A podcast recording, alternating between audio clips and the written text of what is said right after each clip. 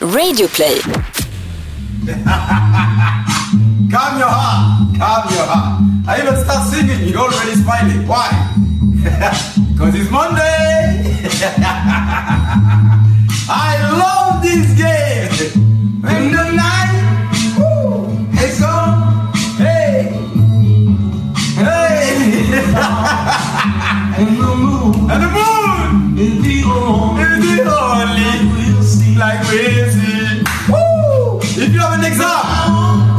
important day today, I'm gonna make you feel relaxed and happy. Hey, be afraid. Hey, just alone. Yeah, just stand, stand, stand here, stand here. I know you want to be my best friend.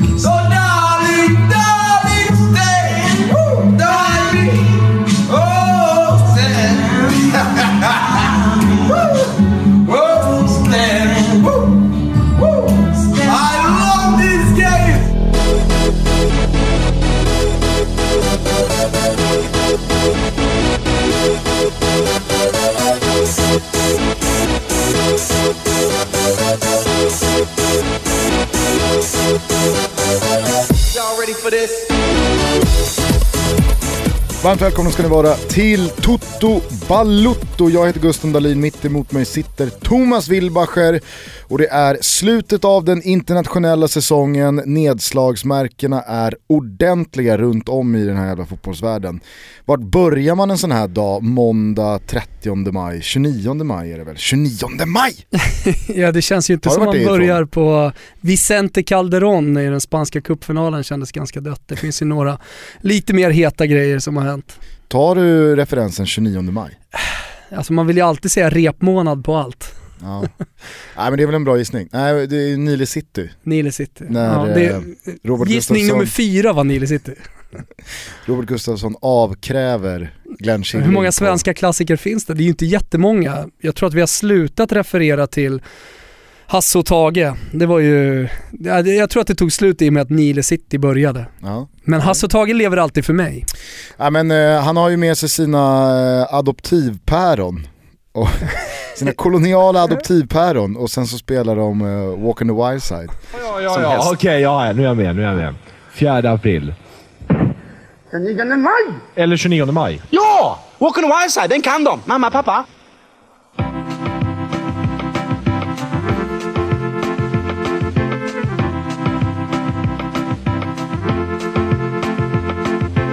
Honey came for Miami. Billy. Hitchhike away Costa. Like his eyebrows all the way. Shaved their legs and then. It was a she. She said, Hey, baby. Take a walk on the water. She said, Hey, honey. Take a walk on the water. And the color goes gone. Eh, kanske ska avsluta podden med den låten då, Kim Wirsén som våran underbara superproducent heter. Eh, nej men eh, det är klart att vi ska skita i cupfinalen i Spanien på Vicente Calderón. Ska vi inte bara köra ett svep så här inledningsvis så vi bara kommer rätt in i det då? kan vi göra. Om Ja. du inte vill eh, gratulera Roberto Di Matteo eller Andrei Arshavin på födelsedagen. Faktiskt inte, jag är inte eh, en tillstymmelse sugen. Kommer du ihåg vad Arshavin kallades? Var den lilla, Den lilla, den lilla, var han kejsare eller? nej, Nej. vad är ryssar? Eh, Ja, tsaren. Exakt, ja såklart. den lilla tsaren. Ja.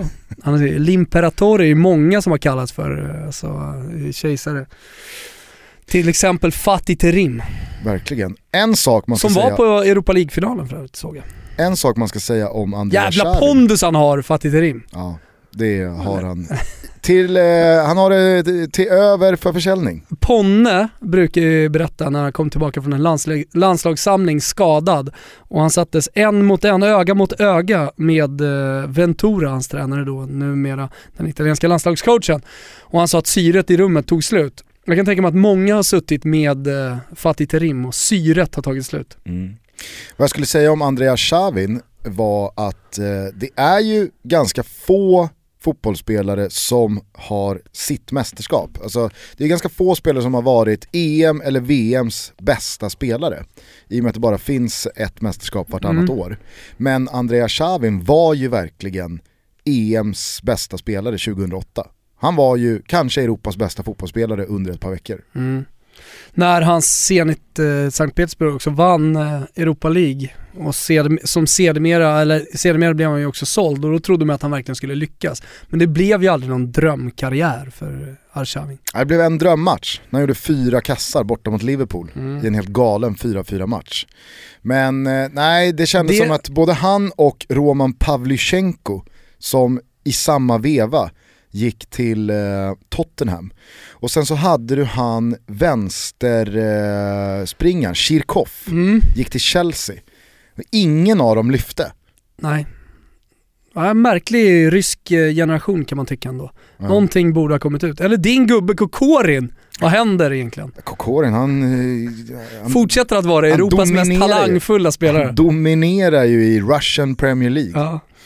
Du, eh, vi kör eh, en liten, ett litet avstamp då från helgen och det som har hänt. Mm.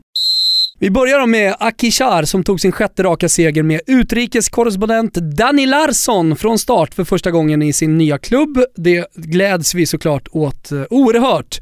Barcelona vann planenligt den spanska cupfinalen som vi sa mot Alaves i den sista matchen som spelades någonsin på Estadio Vicente Calderón. Lite tragiskt slut att just den matchen skulle få vara den sista. Men men, på tal om cupfinaler, pokaler delades också ut till Borussia Dortmund efter seger mot Frankfurt och till Paris Saint-Germain som, låt oss kalla det, får vara plåster på såren för de klubbarna. Ja, och Arsenal då som i alla fall kan titulera sig fa Cup-mästare. Full omgång var det annars i den italienska ligan som skulle gå i mål med vid en första anblick få matcher som faktiskt betydde något. Men så länge motivation är en faktor kommer man aldrig kunna förutse utgången till 100%. Vad handlar det om då? Jo, självklart andra platsen mellan Roma och Napoli. Paradis eller helvete i botten där bara en poäng skilde Empoli och Crotone, men där fanns också en liten aptitretare i kampen om fjärdeplatsen mellan Atalanta och Lazio. I botten då gjorde Crotone det ingen maktfaktor inom den italienska fotbollen ville. De vann över Lazio. Många har sagt att mindre lag som Crotone förstör Serie A's appeal. Jag säger precis tvärtom. Samtidigt kunde Palermo vid förlust hemma mot Empoli inkassera en fallskärm på 150 miljoner. Ja, ni hörde rätt. Varför skulle de ens bry sig om den matchen? Men de visade stor sportslig anda, gav allt och segrade mot Empoli i säsongens sista match. Vild fest såklart i Crotone med Marcus Rodén i centrum. Eftersom Lazio då förlorade och Atalanta vann blir det bergamaskerna som får räkmacka in i nästa års Europa League. Frågan är dock hur många av nyckelspelarna de får behålla. Papo Gomes hur som helst i blåsvart på Stadio Atleti Azzurri på torsdagskvällarna hade varit hur vackert som helst. Andra platsen gick till slut till Roma som med en av matchens sista sparkar löste segern mot Napolis Best Friends Forever Genoa, som för övrigt får en stor fjäder i sin sargade hatt. Annars vet ni ju vad det handlade om på söndagskvällen. Tottis sista match framför sin publik blev en tårdrypande historia. Och det här blev hans slutord från mittcirkeln på Stadio Olimpico.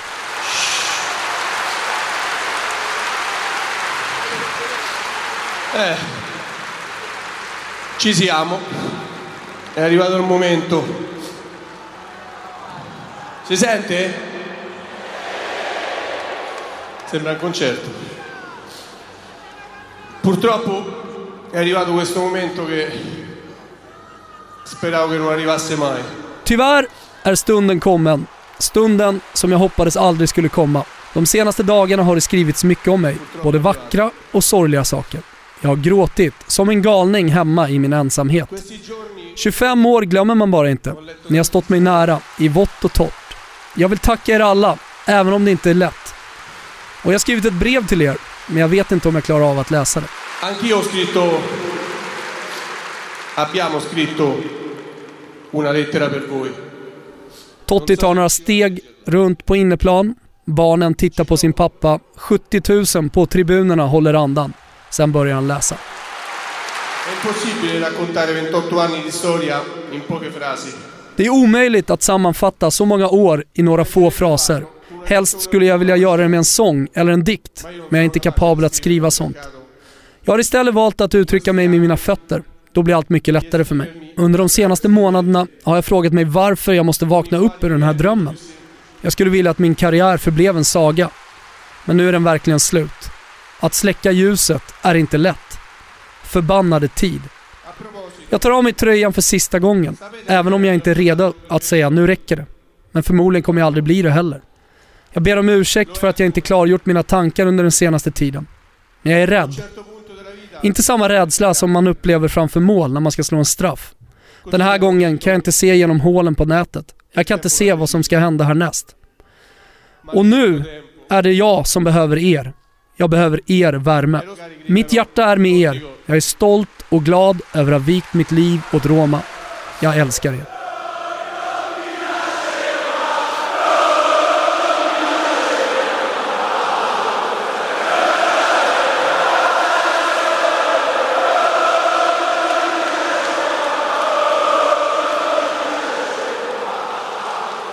Ja, det var ju eh, som du var inne på väldigt eh, känslosamt igår kväll. Jag tror att många eh, som vanligtvis inte rattar in Serie A på söndagar nog nåddes av de här bilderna inifrån eh, Stadio Olimpico. Och eh, till skillnad då från andra avsked av stora spelare, både i den absolut senaste eh, tiden och eh, några år tillbaka så, så kändes det ju här som eh, Nej, men det, det, det vackraste och värdigaste man har sett. Det var inte något eh, regisserat eh, ståhej med artister och uppträdanden och det var ingen fotbollsmatch som skulle avbrytas och det skulle springa in barn på plan utan det var en fotbollsmatch som gällde väldigt mycket. Totti fick spela, han fick inte ens starta. Eh, och sen så fick han bara i eh, lugn och ro i sin takt gå ett långt, långsamt varv runt planen och tacka alla. Och sen så var det ju väldigt symboliskt och fint när han då på inneplan passade vidare eh, lagkaptensbinden till en av Romas mest lovande, jag tror att han är 13 år eller något. Nej, det, det var till Romas, Romas yngste kapten när man har lagkap, lagkapten och det är Mattia Almaviva hette han. Ja, jag tror att han eh, pojkar 12 eller Ja. något. Jo men det är då man börjar med lagkapten, läste jag i Gazzetta dello Sport i morse. Mattia Almaviva hur som helst lär ju ha en hyfsad dag i plugget idag när, när det är måndag. Ja, verkligen. Svårt att eh, hålla fötterna på jorden kanske.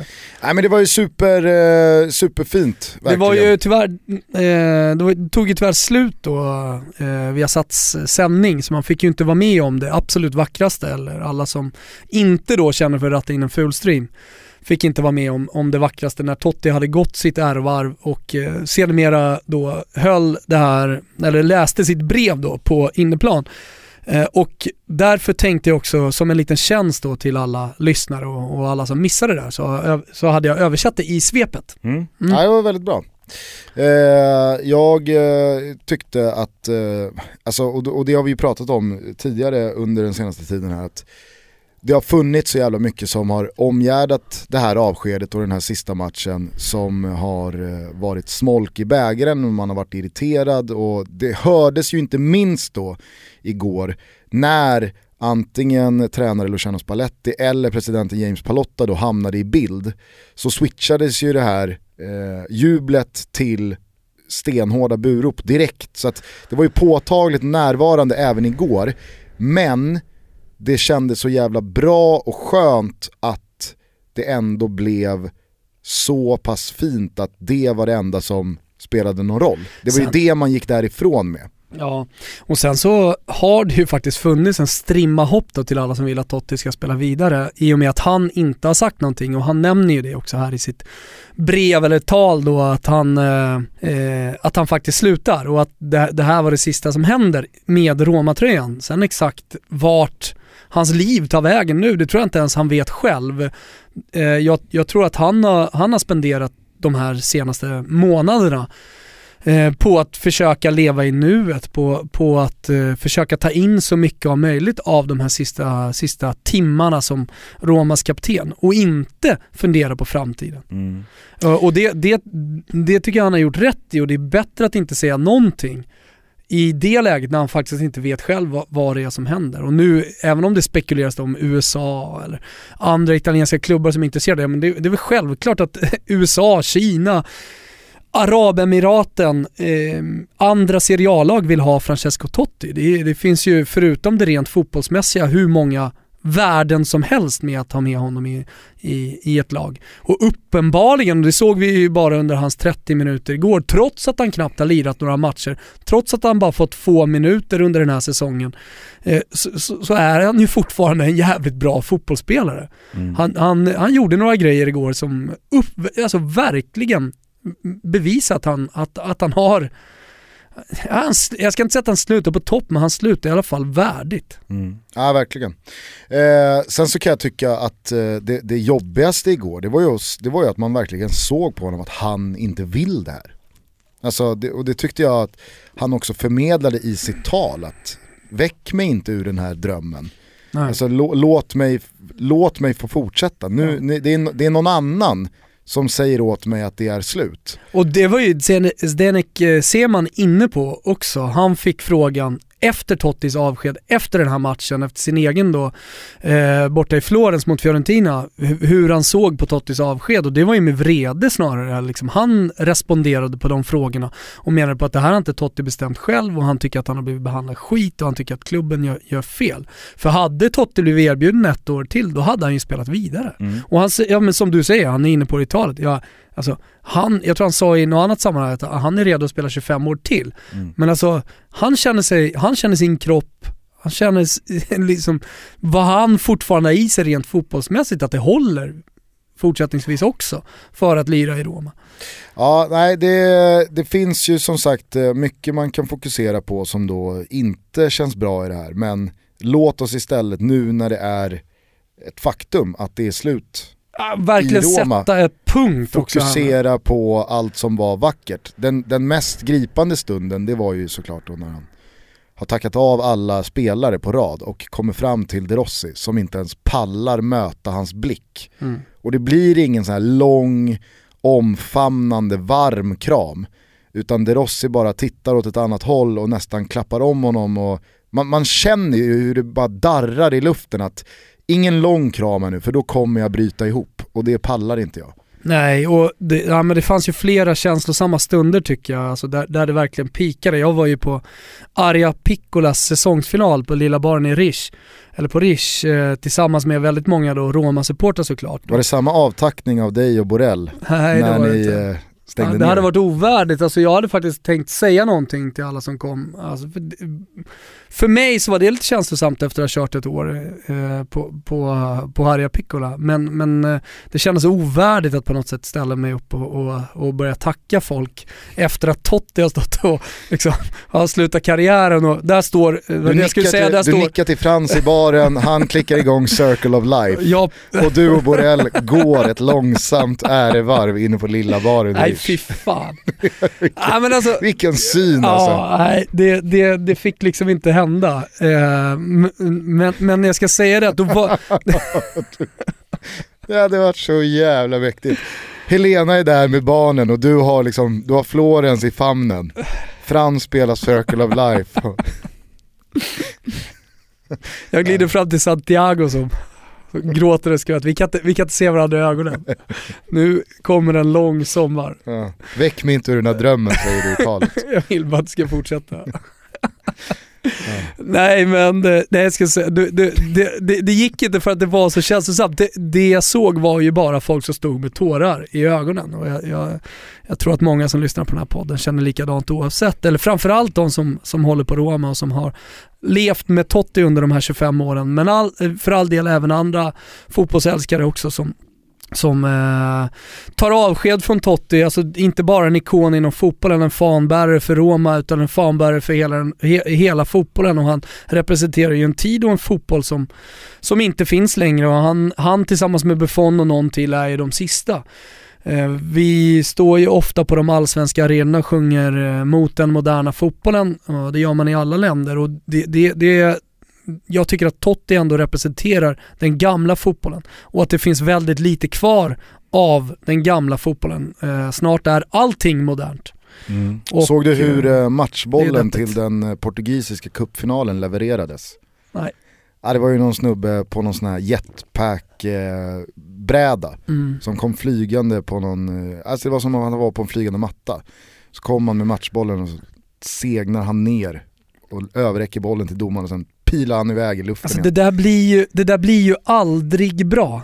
Alltså Nej, men det var det som var så på... jävla skönt med Tottis avsked. Att jag tror att även fast man inte gillar Totti, även fast man inte gillar italiensk fotboll, vad det nu kan vara, så tror jag att alla kunde se det där avskedet och den där avtackningen och tycka, fy fan vilket eh, klockrent och värdigt sätt att avtacka sin största spelare genom tiderna.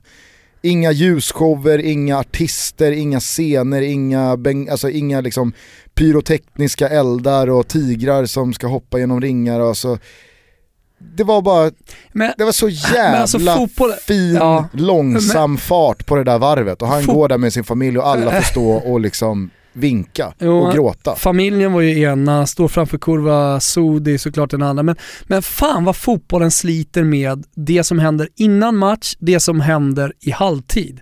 Har du tänkt på det? Alltså du, nu pratar du om den portugisiska cupfinalen med en boll som kommer in.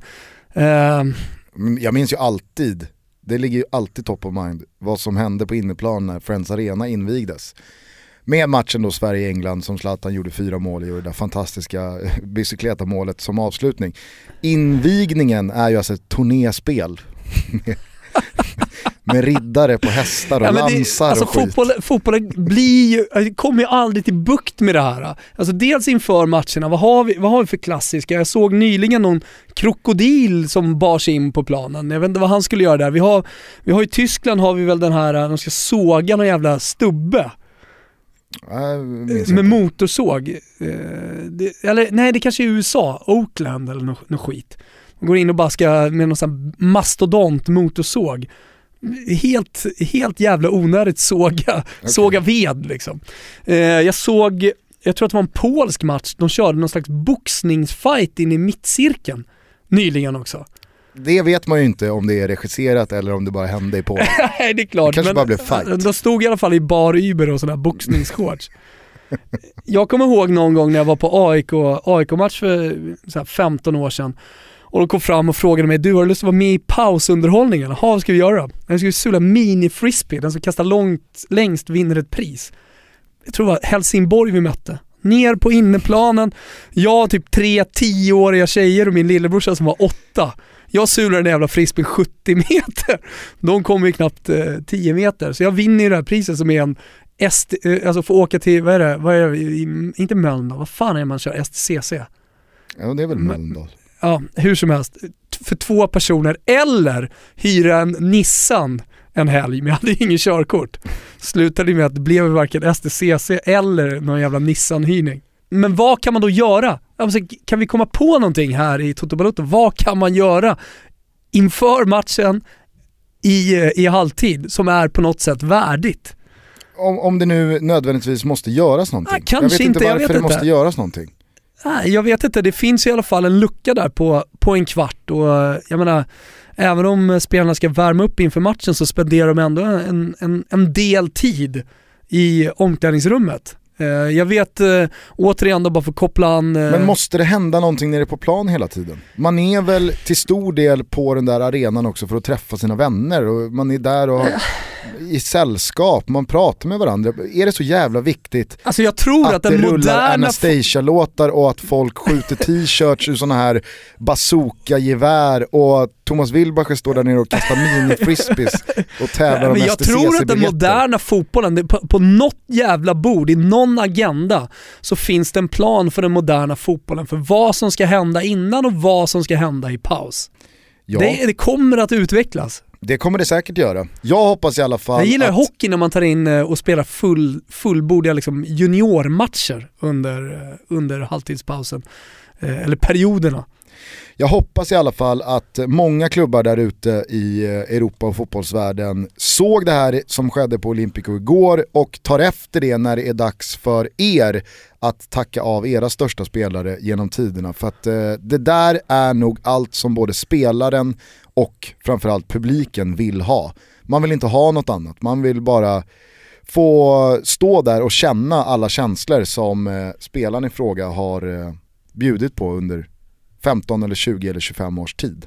Mm. Jag började faktiskt fundera igår på också vilka då stora fanbärare för klubbar som har, som har lagt av på slutet. Och det är faktiskt en spelare som man glömmer bort här. Alltså när man pratar om Francesco Totti som den enda då som, eller en av få, som har börjat i en klubb, spelat i klubben genom hela eh, ungdomstiden, A-lag, aldrig lämnat, inte ens på utlån. Så hittar faktiskt en lirare som la av förra året. Mhm. Och det är Atalantas Bellini.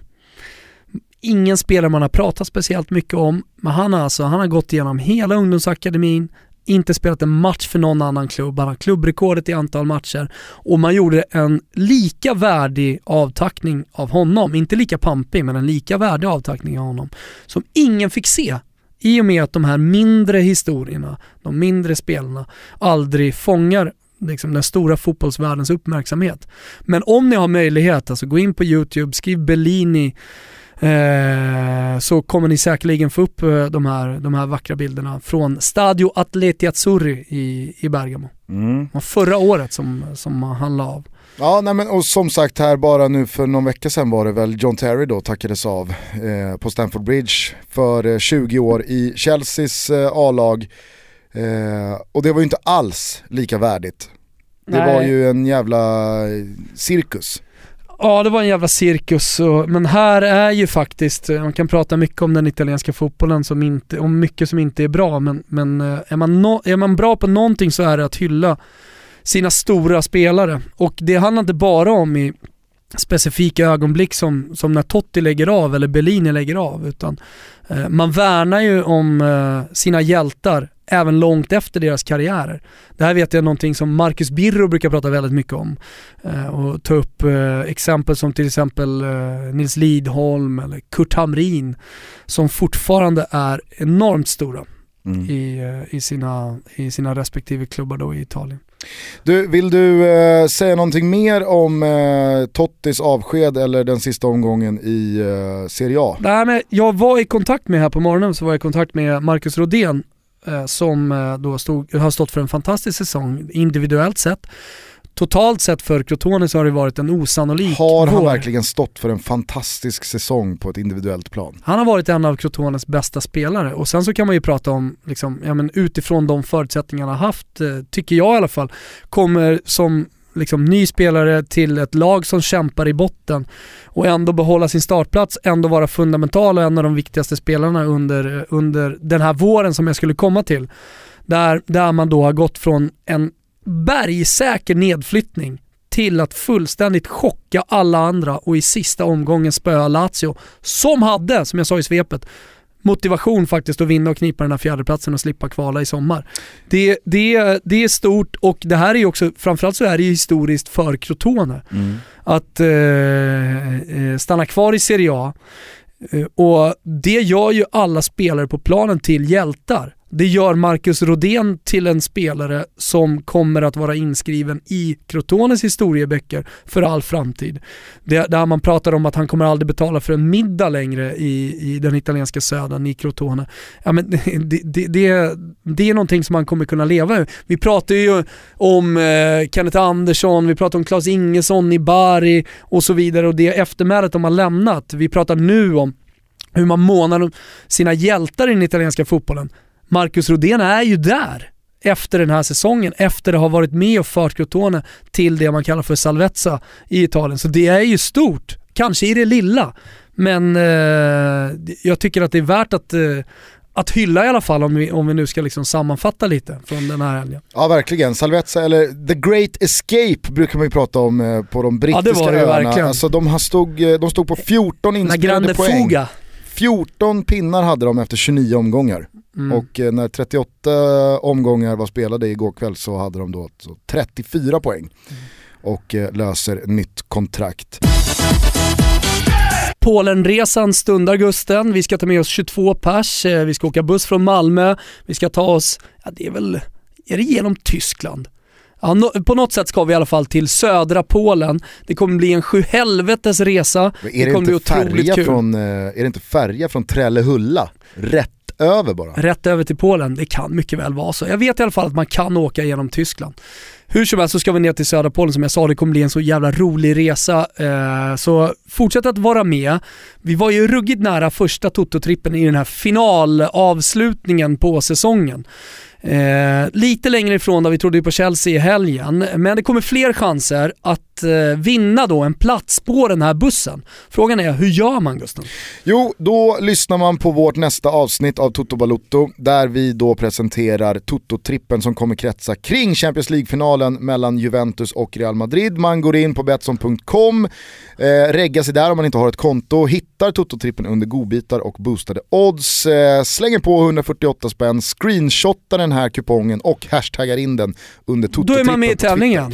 Då är man med i tävlingen oavsett hur det går för tripplarna och i potten ligger alltså en biljett till dig själv och en kompis till den här resan och i resan så ingår alltså eh, avfärd från Malmö, två hotellnätter, matchbiljetter till Sverige-England, frukost och resa tillbaks till Malmö. Sämsta frukosten någonsin. Vi drar på morgonen den 15 juni och är tillbaka i Malmö sent den 17 Om man juni. inte väljer att stanna. Om man inte väljer att stanna. Vi kanske gör det, Ja. men eh, vi har ju åtaganden här hemma som vi måste tillbaks till.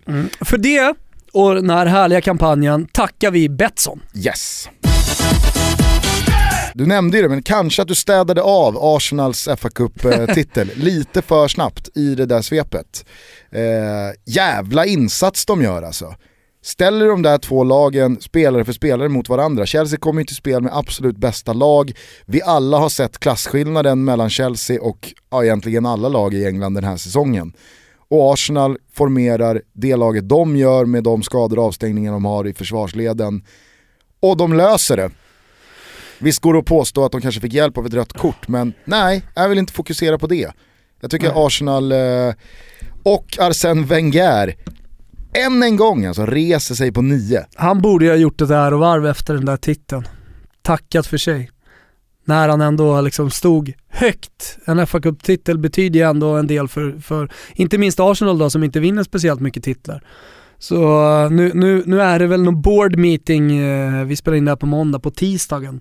Eh, när man ska avgöra hans framtid eller vad det är som ska hända. Men det ryktas ju om att eh, det blir en fortsättning. Och oavsett fa Cup-titel och glädje efter det så tror jag inte att det är speciellt många Arsenal-fans som ser jättemycket fram emot eh, ett par säsonger till med Arsene Wenger.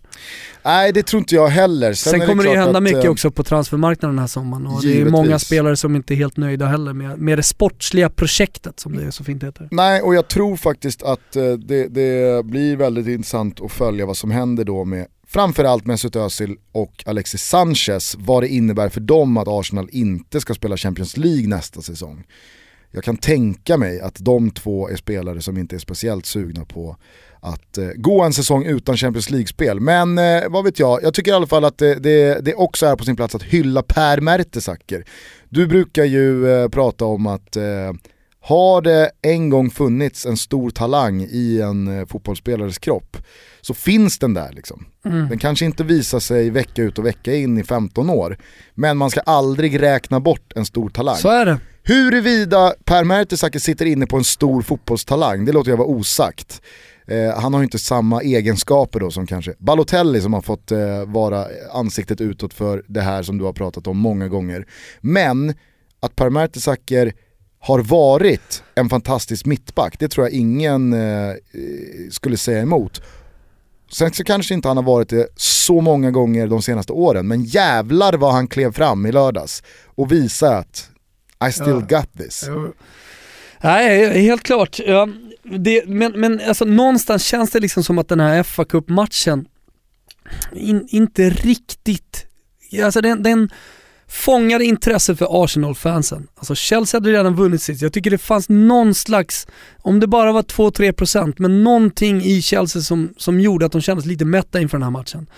Det, du, du pratar om att eh, Arsenal gjorde en fantastisk match, det gjorde de absolut, men Chelsea gör ju inte en toppmatch. Man kanske har festat lite för mycket, man kanske har tappat lite fokus eh, efter att man har vunnit ligan. Så det var i alla fall, alltså det måste ändå sägas samtidigt som vi hyllar Arsenal, tycker jag. Mm. Och jag tycker att det märktes också på Conte hur irriterad han var på att det blev en förlust här. Han var ju rasande på presskonferensen. Jo. Nej, och det, med, med all rätt. Och ska han fortsätta, vilket allt tyder på som Chelsea-tränare, så är det ju lika bra att han, att han visar den vreden redan nu. Så att eh, nästa gång de hamnar i samma situation, att de, de, de vet att eh, han inte accepterar sådana saker. Så den typen av prestationer. Men du, eh, annars eh, på tal om då spelare som lägger av, du såg att eh, Asoe Kotto eh, tänker lägga av och spela fotboll. Mm. Det noterade jag. Det var väl Harry Redknapp som, eh, som tog det också ett steg längre i varför han ska sluta. Ja, eh, jag vet inte, vill du, vill du berätta varför Asoe Kotto lägger, lägger av med fotbollen? Ja, men det är nog många som kommer ihåg Benoit Asoekoto, eh, Tottenhams eh, gamla kamerunska ytterback som eh, de senaste säsongerna huserat i Frankrike. Eh, han har ju alltid varit en spelare som har varit öppen med att jag gillar inte fotboll, jag är inte intresserad av fotboll, jag råkar bara vara bra på det och det finns jävla massa deg att hämta. I Sverige har vi, det har vi uppmärksammat, har vi Erik Johansson som hellre sitter och gör silversmycken. Ja, precis. Eh, och jag kommer ihåg någon gång när man såg eh, från Tottenhams träningsanläggning alla jävla monsterbilar och Asoy Koto kommer där i sin skruttiga smart car. Eh, kostar 100 000 liksom. Eh, nej men eh, han eh, går nu vidare mot eh, andra branscher, vad det verkar, om vi ska tro eh, Harry Redknapp. Eh, han ska bli porrskådis. och jag, jag, så jävla starkt. Det, det är så rätt också, det, det är hans liv. Mitt liv är sitt liv. Uh, Kotto, alltså ditt liv är ditt liv. Ja, Det gör kan man ju Det säga. gör vad fan det vill med sig. Mycket kan man ju säga om valet av bransch, men i generella termer så hyllar ju Toto Balutto att människor gör vad de vill göra. Absolut, vi Man har följer Dan- sitt hjärta. Exakt, vi har Danny Osvaldo till exempel som la av alldeles för tidigt eh, och valde då musikbranschen. Han har haft sina första konserter har jag hört i Argentina. Ingen aning om hur det har gått. Har du, har du följt eh, Danny Osvaldos eh, ja, eh, eftermä- eller efterliv? Efter fotbollsliv? jag har faktiskt inte satt mig in speciellt mycket i det Du har där, men- Thomas Brolin.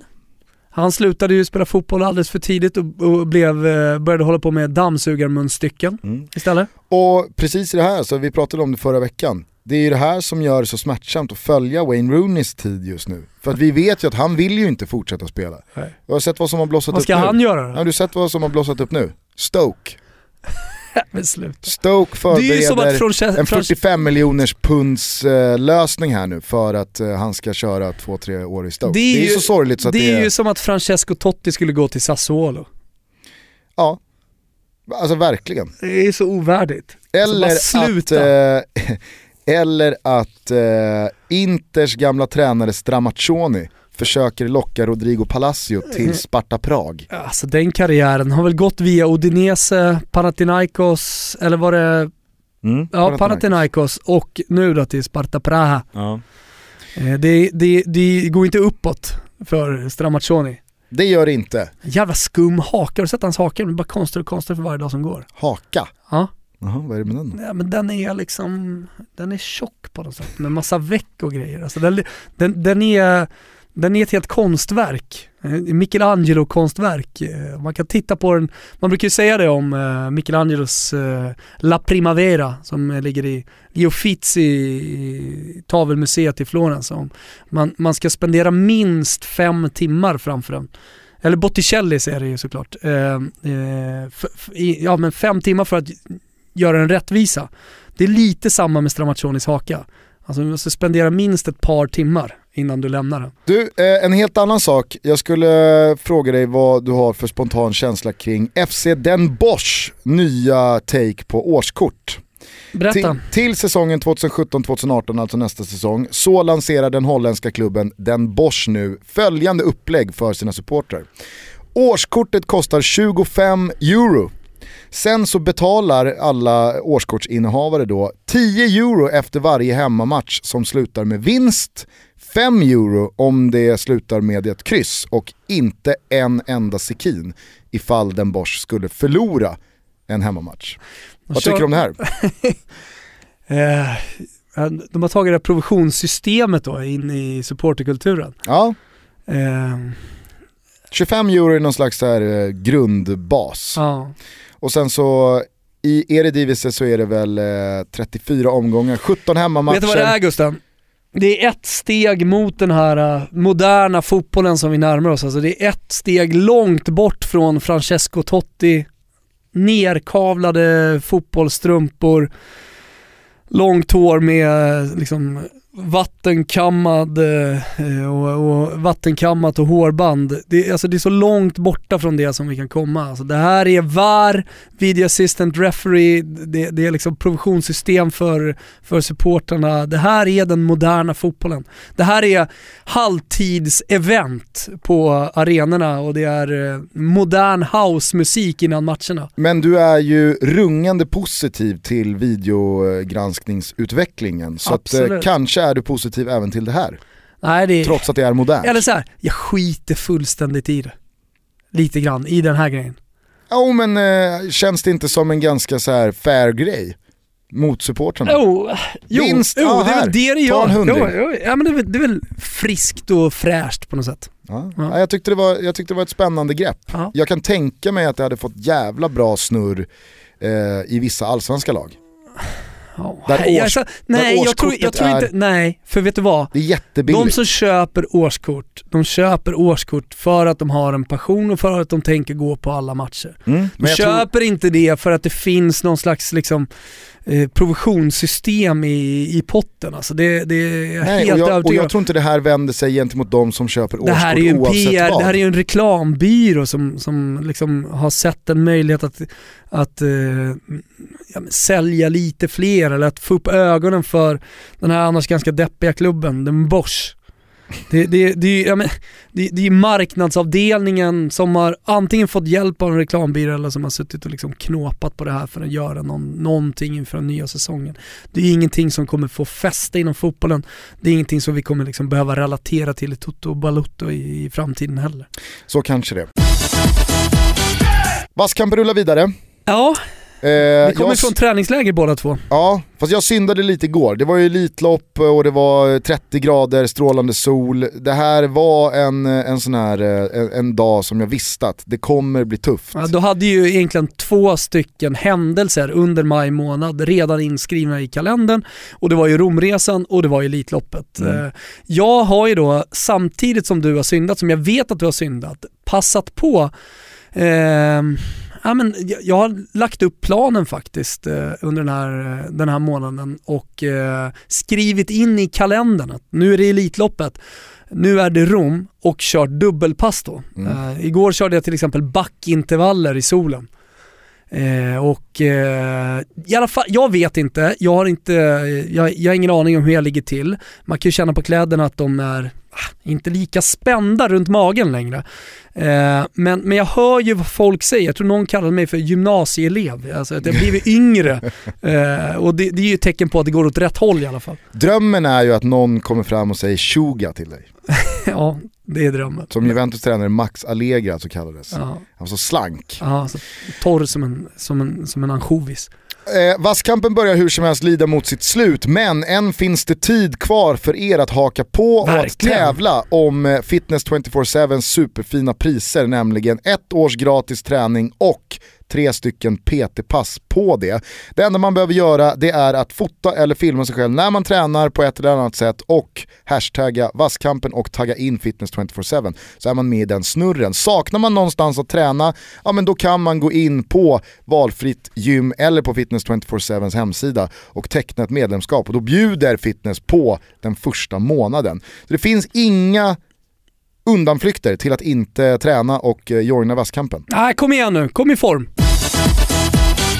Den första tränaren att eh, få lämna sitt uppdrag i Allsvenskan blev inte Peter Svärd. Det var ju eh, många som nog trodde att nu ryker han. Kalmar har ju radat upp förluster men han har fan klättrat upp på, de där, på den där klättrat upp på de där repen och hänger kvar och nu slaktade man ju Giffarna i helgen ja. så att eh, Svärd blir kvar, däremot så är det Pelle Svärd Olsson. Svärd har ju köpt sig hela sommaren nu i och med den vinsten på något sätt. Förmodligen. Eh, Pelle Olsson lämnar i alla fall sitt uppdrag eh, hos AFC, man är ju fortfarande vinstlösa. Får lämna. Alltså viktigt ändå, han, det är inte så att han lämnar eh, eh liksom för att han vill lämna utan det, han har fått sparken. Ja, han har fått sparken. Och det jag kan tycka är ironiskt i det här, det är ju att den tränare AFC i det här läget skulle behöva är ju Pelle Olsson. Exakt. Det är... Deffa sig till poängen. Det här tycker jag eh, vittnar om AFCs, men kanske framförallt Alex Ryssholms orutin från den här nivån. Det finns inte någonting som är en quick fix i AFCs eh, läge här nu. Vi vet alla som följer svensk fotbollspress eh, att eh, AFCs kassakista, den, den, den svämmar ju inte över av gulddubloner. Utan det är både Kronofogden som jagar dem och para som inte finns att i det läget sparka Pelle Olsson som är en etablerad allsvensk tränare och man behöver då ta in någon ny jag tror att eh, det här är en spiral som kommer fortsätta snurra negativt. Men jag vet inte om Ryssholm har då tittat på eh, de, de stora europeiska ligorna där man, där man då gör den här typen av tränarskiften mitt i säsong eller efter en inledning som inte har varit speciellt bra. Eh, vi, vi har ju pratat om det mycket liksom om eh, Chelino och Zamparini och, och det, det har nu spritt sig till England också. Eh, det känns faktiskt lite som någonting som är modernt inom fotbollen för övrigt. Att man då sparkar tränare som inte lyckas med en inledning. Eh, men, men det, det, är ju inte kompatibelt med, med allsvenskan för det finns inte en waiting list på samma sätt som det gör i, i de stora ligorna där, där det är 20-30 topptränare som sitter och väntar på, på att få ett jobb. Det, det, vad är waitinglistan i, i, i allsvenskan? Har du en... Eh, Conny Karlsson. Topp, ja, Tom Prahl, nämns han här? Tom Prahl har varit väldigt tydlig med att jag är klar. Jon Vreta? Han går ju som tåget ner i Sydafrika för fan. Oh fan han har ju Kaiser Chiefs. Vi sa ju någon gång att vi skulle till Stavanger och, och göra en intervju med honom. Mm, men vi, vi hann till... inte. Nej, fan men nu åker man ju jättegärna ner till uh, Sydafrika. Sydafrika? Ja, hemskt gärna faktiskt. Ja. Eh, nej men vad skulle kunna finnas på en waiting list eh, i eh, Sverige? Eh, mm, mm, mm, mm. Ja, du ser, det är svårt i alla fall. Du, det, det är ingenting som, som, uh, som alltså det, det finns inga tydliga tränare utan i så fall så blir det ju... Sören Åkerby. Absolut. Roger Fransén. Ja, eller någon av experterna. Alltså så här, ja men du vet, uh, Jens Fjällström som gick till Malmö, att, att det skulle bli någon, alltså att Hasse Backe skulle gå in. Henrik Larsson. Henrik Larsson går utan jobb, men att Henrik Larsson skulle uh, checka Aldrig. in på hotellet i Eskilstuna och ta AFC nu, det, det finns bara inte. Nej. Nej men jag kan tycka att det är så jävla provocerande också att Pelle Olsson får gå i det här läget för att Ja, som jag sa, dels så är ju en Pelle Olsson-tränare precis vad AFC behöver för att rädda ett kontrakt. Nummer två, titta på matcherna. Jag kan nämna fyra matcher där AFC har tappat tre poäng till en poäng eller en poäng till noll poäng på tilläggstid.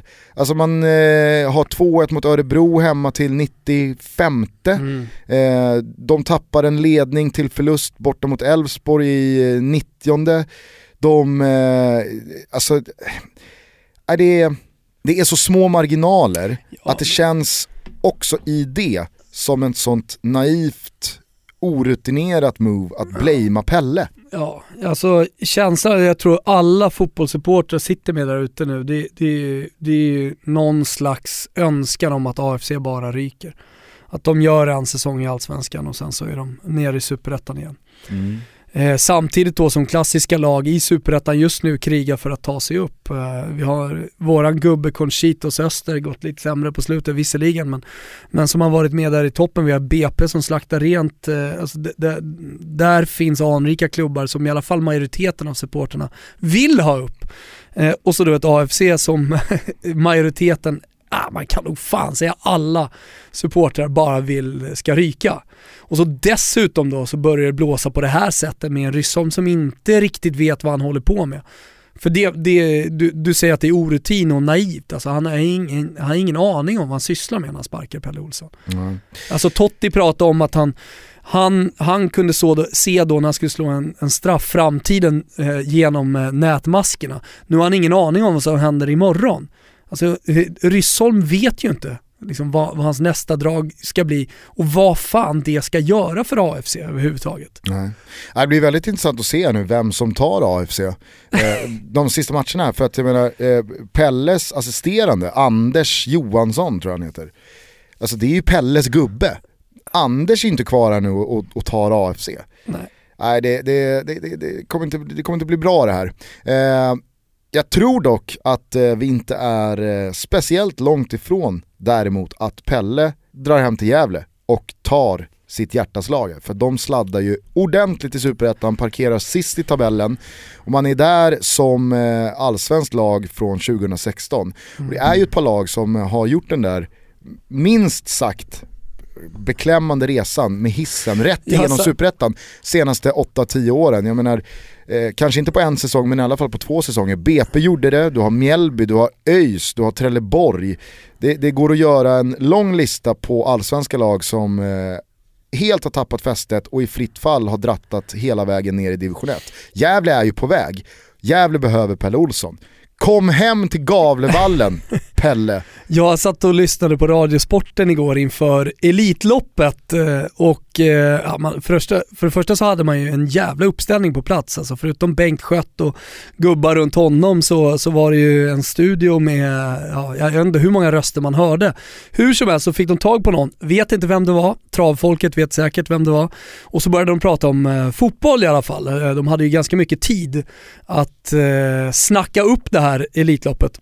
Och då kom de in på Gävle, varpå st- frågan då ställs till den här stora Gävle-supporten att ja men nu blir det väl klivet rakt upp till Allsvenskan va? För ni åkte väl ur i fjol?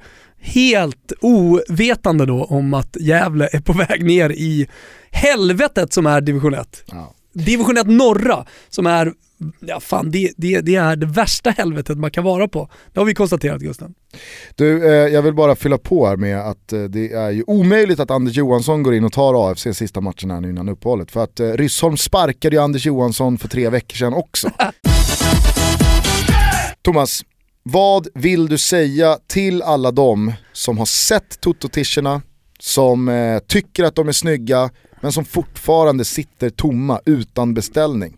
Passa på för snart tar de slut. Eh, Det är budskapet. Eh, Det finns ett eh, 50-100-tal kvar någonting. Vi har inte fått uppdaterad statistik men vi vet att de går åt som smör i solsken. Så in på grandfrank.com toto och eh, köp er en tisha inför den här fina sommaren. Såg att eh, den bland annat var, eller vi då, var representerade, representerade på Stadio Olimpico i helgen i Tottis avskedsmatch. Bara en sån sak. Även på Starkt. Solvalla.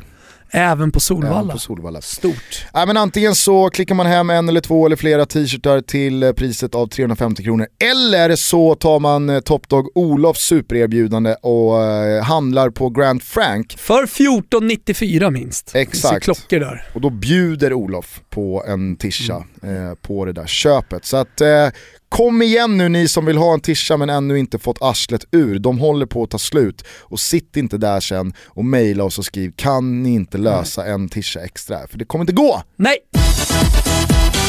Du, eh, lite senare i veckan så kommer Johanna Frändén och besöker oss och gästar oss. Det ska bli jävligt roligt. Eh, håll eh, ögonen öppna på Twitter också, där kommer vi skicka ut en så kallad frågetweet här om någon dag också där ni kan ställa era frågor till Johanna.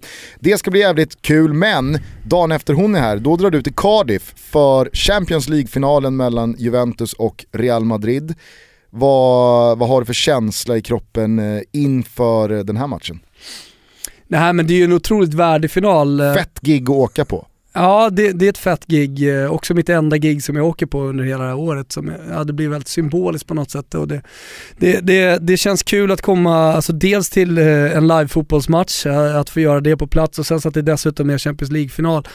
En jävligt fet match mellan två värdiga lag. Real Madrid som vinner ligan, som av allt att döma är i toppform med Bale på väg tillbaka vilket skapar positiv, eh, vad är det man brukar säga, positiv, angenäma problem då för Zinedine Zidane och ett Juventus eh, som eh, många nästan håller som favorit inför det här mötet. Eh, aldrig någonsin har en klubb så länge Champions League i, det här, i den här utformningen funnits eh, vunnit två år i rad. Så att det, det kan ju dels bli historiskt eh, och sen så finns det någonting som jag tycker, du frågar om känsla, det finns någonting som jag tycker talar för eh, väldigt mycket Juventus här. Alltså jag tycker att de har gjort så jävla mycket rätt de senaste sex åren. Jag tycker att de har gjort väldigt mycket rätt också på den sportsliga fronten, värvat bra. De har lagt upp säsongen, eller Allegri har lagt upp säsongen otroligt bra också som gör att de liksom, nyckelspelarna är som bäst när det gäller. Alltså, kolla bara på Dani Alves, Kedira, eh, med flera, Paolo Dybala. Eh, det, det, det är i alla fall två lag som kommer i toppslag eh, till den här matchen. Jävligt häftigt. Ja, och sen så känns det ju som att eh, det finns hur många extra laddade matcher i matchen som helst. Inte Mm. minst då kanske Zinedine Zidane mot sitt gamla Juventus. Eh, men eh, framförallt eh, Real Madrid som har gjort mål i varje match i över ett år mot ett Juventus som inte hade några som helst problem med att hålla nollan mot Barcelona i två gånger 90 minuter. Kediras baksida, är den eh, läkt och fräsch? Det ska vara lugnt. För i sådana fall så eh, går det väl nästan att säga att båda lagen har eh, bästa tillgängliga trupper. Så är det. Så att, eh, nej, jag, jag laddar för en supermatch. Jag har ju känt Real hela vägen. Du har ju mer tagit Juventus-sida. Ja, Eh, men eh, jag har ingen jävla aning om hur det här kommer gå. det, Det känns går ju inte. helt Det är final. omöjligt. Nej, precis. Det känns som andra försöken igår Och det är på det Valla. som är så jävla roligt också. Andra försök på Valla, inga travreferenser, snälla. Ja, det var du som började med att dra upp Elitloppet. Här. Ja, kanske det. Nej, det blir otroligt eh, mäktigt i alla fall. Jag hoppas att du tar med dig eh, mikrofonen. Det ska jag väl göra. Kanske springer in i någon eh, potentat eller härlig figur. Ja, och sen så har vi Johanna med oss som sagt på torsdag. kan vi snacka upp den här finalen? Ja, Johanna går ju upp mot dig va? I Guldskölden om titeln Årets krönikör. Ja, det stämmer. Så att eh, följ eh, ert hjärtas mening där, gör som eh, Asso Ekoto. Ja. Gör det ni känner för. Precis. Rösta på den ni verkligen Men vill. vad det gäller podden, okej ni kan ju följa ert hjärta men, men eh, gå gärna in ni som inte har gjort det och rösta på Tutta Balotto. Vi, vi skulle jättegärna vilja vinna eh, det här priset. Ja, det skulle kännas skitkul. Eh, vi kommer som sagt eh, från Svenska fanshållet, vi vet hur jävla mäktigt det är när ni får bestämma vilka som vinner, när det inte är någon jury som ska sitta där och eh, spela viktigare än andra. Är det någonting så hör ni av er till oss på totobalutto@gmail.com och var nu också med i helgens avslutande special Toto Trippel på Betsson.com. Vi ska till Polen! Vi ska till Polen, vi ska se Sverige, England och eh, vi stoppar in fem stycken platser till, alltså fem vinnare som får ta med sig varsin kompis till lördagens Toto-trippel. Det blir en stökig jävla resa du Gusten. Det kommer bli oerhört roligt. Eh, Håkan Eriksson tar ut truppen i veckan. Läste du förresten att eh, Håkan har eh, legat på Migrationsverket i två månader för att gnugga in ett medborgarskap för Kingsley Sarfo? Ja, jag såg det. Bra! Han är där. Du vet, eh, vi, vi pratade ju förra veckan om då Haksabanovic, att det här, nu är framtiden här, det är så här det kommer se ut. Ja. Sverige är ju lika goda kålsupare nu som ska börja så här. Kingsley Sarfo är ju 100% ganan. Jo, Han är men, inte svensk. men Gusten, Gusten, i slutändan, det var ju det vi konstaterade också, så, så är ju valet Haksabanovic, eller i det här fallet eh, Kingsley Sarfo. De får göra precis vad fan de vill. Absolut. Här får han i alla fall ett alternativ. Ja, nej, Tycker jag, att det är bra. Ligg på Håkan! Ja, Jävlar vilket lag med Kingsley Sarfo. det Frågan vore, är vem man petar det dock. vore ju kul ifall, eh, ifall Håkan Eriksson, alltså du vet ju hur de här trupputtagningarna går till, det är något litet podie och en overhead eh, slide som ska åka upp. Eh, ifall det är liksom på minuten, Mm. Alltså det, att det blir en sån här deadline day-känsla. Håkan inleder uttagningen med att säga, jag väntar fortfarande på ett samtal från Kristina Ja. på Migrationsverket. I repan. Ja, hon, hon har sagt kvart över två senast ringer jag. board meeting på Så att vi Migrationsverket. börjar med försvarsleden. Men det känns som att Sverige är lite mer orutinerade i de här sammanhangen. Man vet ju att eh, i, i, i södra Europa, då löser man ju bara sånt där. Ja, nej, jag, jag, alltså så här, det skulle också vara väldigt svenskt i det här läget att inte ha pejlat läget med Kingsley Sarfo. Kriga i två månader, få till det här och sen säger han bara nej. Nej, jag ska Jag kör Ghana. Jag vill inte spela U21-EM i Sverige i Polen. Han togs ju ut till Ghanas A-landslag här nu också, men det är väl till en träningsmatch så att även fast han skulle spela den så finns fortfarande chansen att eh, behålla honom som svensk, eller göra honom till svensk eh, fotbollsspelare. Hur kul det än vore och hur talangfull en Kingsley Sarfo är så står ju ändå Toto Balutto på Ghana-sidan här. Ja, Black Stars. absolut. Och i alla sådana här sammanhang. Och av eh, Kim Bergstrand att döma som gästade Olof Lunds podd idag så tyder ju allting på att Kingsley Sarfo, han har ju lämnat allsvenskan och Sverige bakom sig inom en överskådlig framtid. Och med det så tror jag att han... Överskådlig Ja, men så här, sommar. Ja, och med det så tror jag att han checkar ut från Sverige. Ja, faktiskt. Alltså, Äh, om man inte älskar Sverige, följ ditt hjärta Kingsley Sarfo. Kingsley Sarpo dyker upp igen. Uppsala, Uppsala, Siriusklackar sjunger Core di sta città. Kingsley Sarpo dyker upp i en porrfilm i höst med Azoe Koto som Björn Borg runkar till 24 gånger. Det är en jävla vändning på den här soppan. Ingen tas ut i något landslag. Alla bara liksom imploderar. Ja, nej, det blir jävligt spännande. Dessutom så tas truppen till Frankrike-matchen ut och Norge-matchen ut eh, av Janne Andersson senare idag. Eh, vilka tror du eh, blir snackisarna? In- Armenteros är ju på tapeten. Tröttaste snackisen kan jag tycka. Alltså ingen bryr sig om eh, Armenteros spelar i svenska landslaget eller inte. Gör man inte det? Nej, jag känner ingenting. Alltså jag, jag, jag känner för gul och gulo men, men eh, vilka Janne tar ut med tanke på att det har gått så bra som det ändå har gjort under det här kvalet. Med tanke på att Ponne och alla andra som har varit med här i podden, Albin Ekdal pratar om den fantastiska stämningen som just nu råder i gruppen som är gul och gulo. Så tycker jag att Janne har en jävla sten, stenkoll på läget. Jag, jag, jag, låt, jag, jag känner mig oerhört trygg med att eh, låta Janne Andersson ta ut den här truppen och jag har inga som helst åsikter om det blir Kiese eller om det blir eh, Armenteros. Men vi vill ju såklart att det blir Daniel Larsson. Danny Larsson.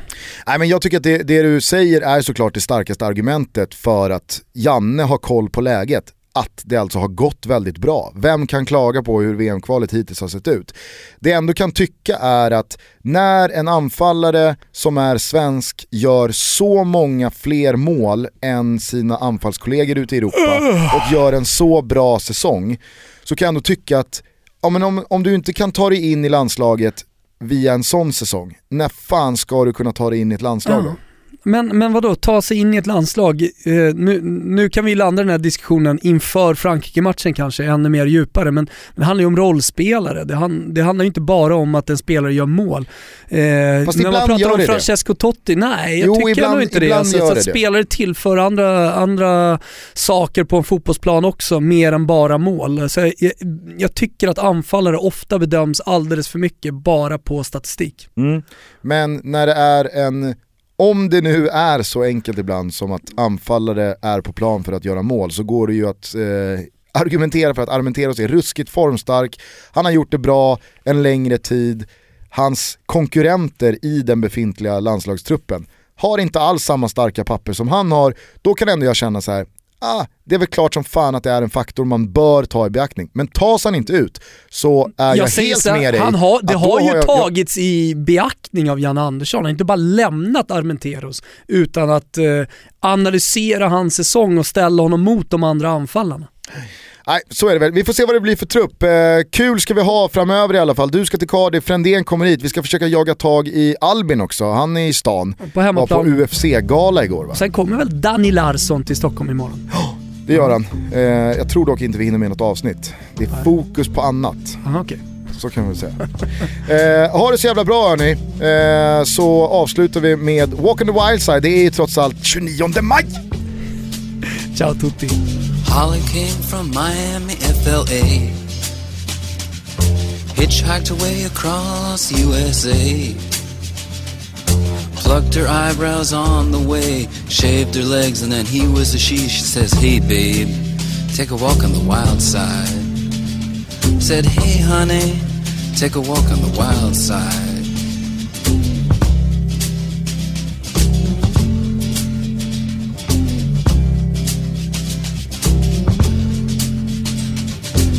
Candy came from out on the island. In the back room, she was everybody's darling. But she never lost her head, even when she was given head. She says, Hey, babe, take a walk on the wild side. Said, Hey, babe, take a walk on the wild side.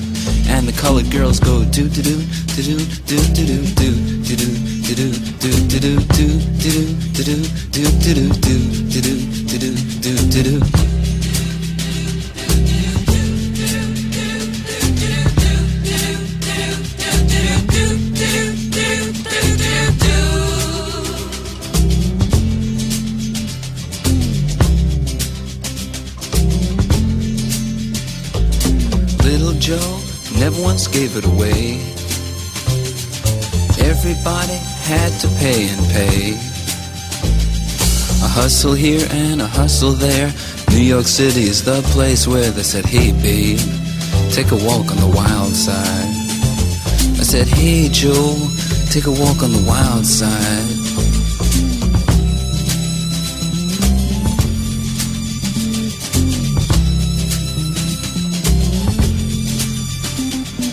Sugar Plum Fairy came and hit the streets.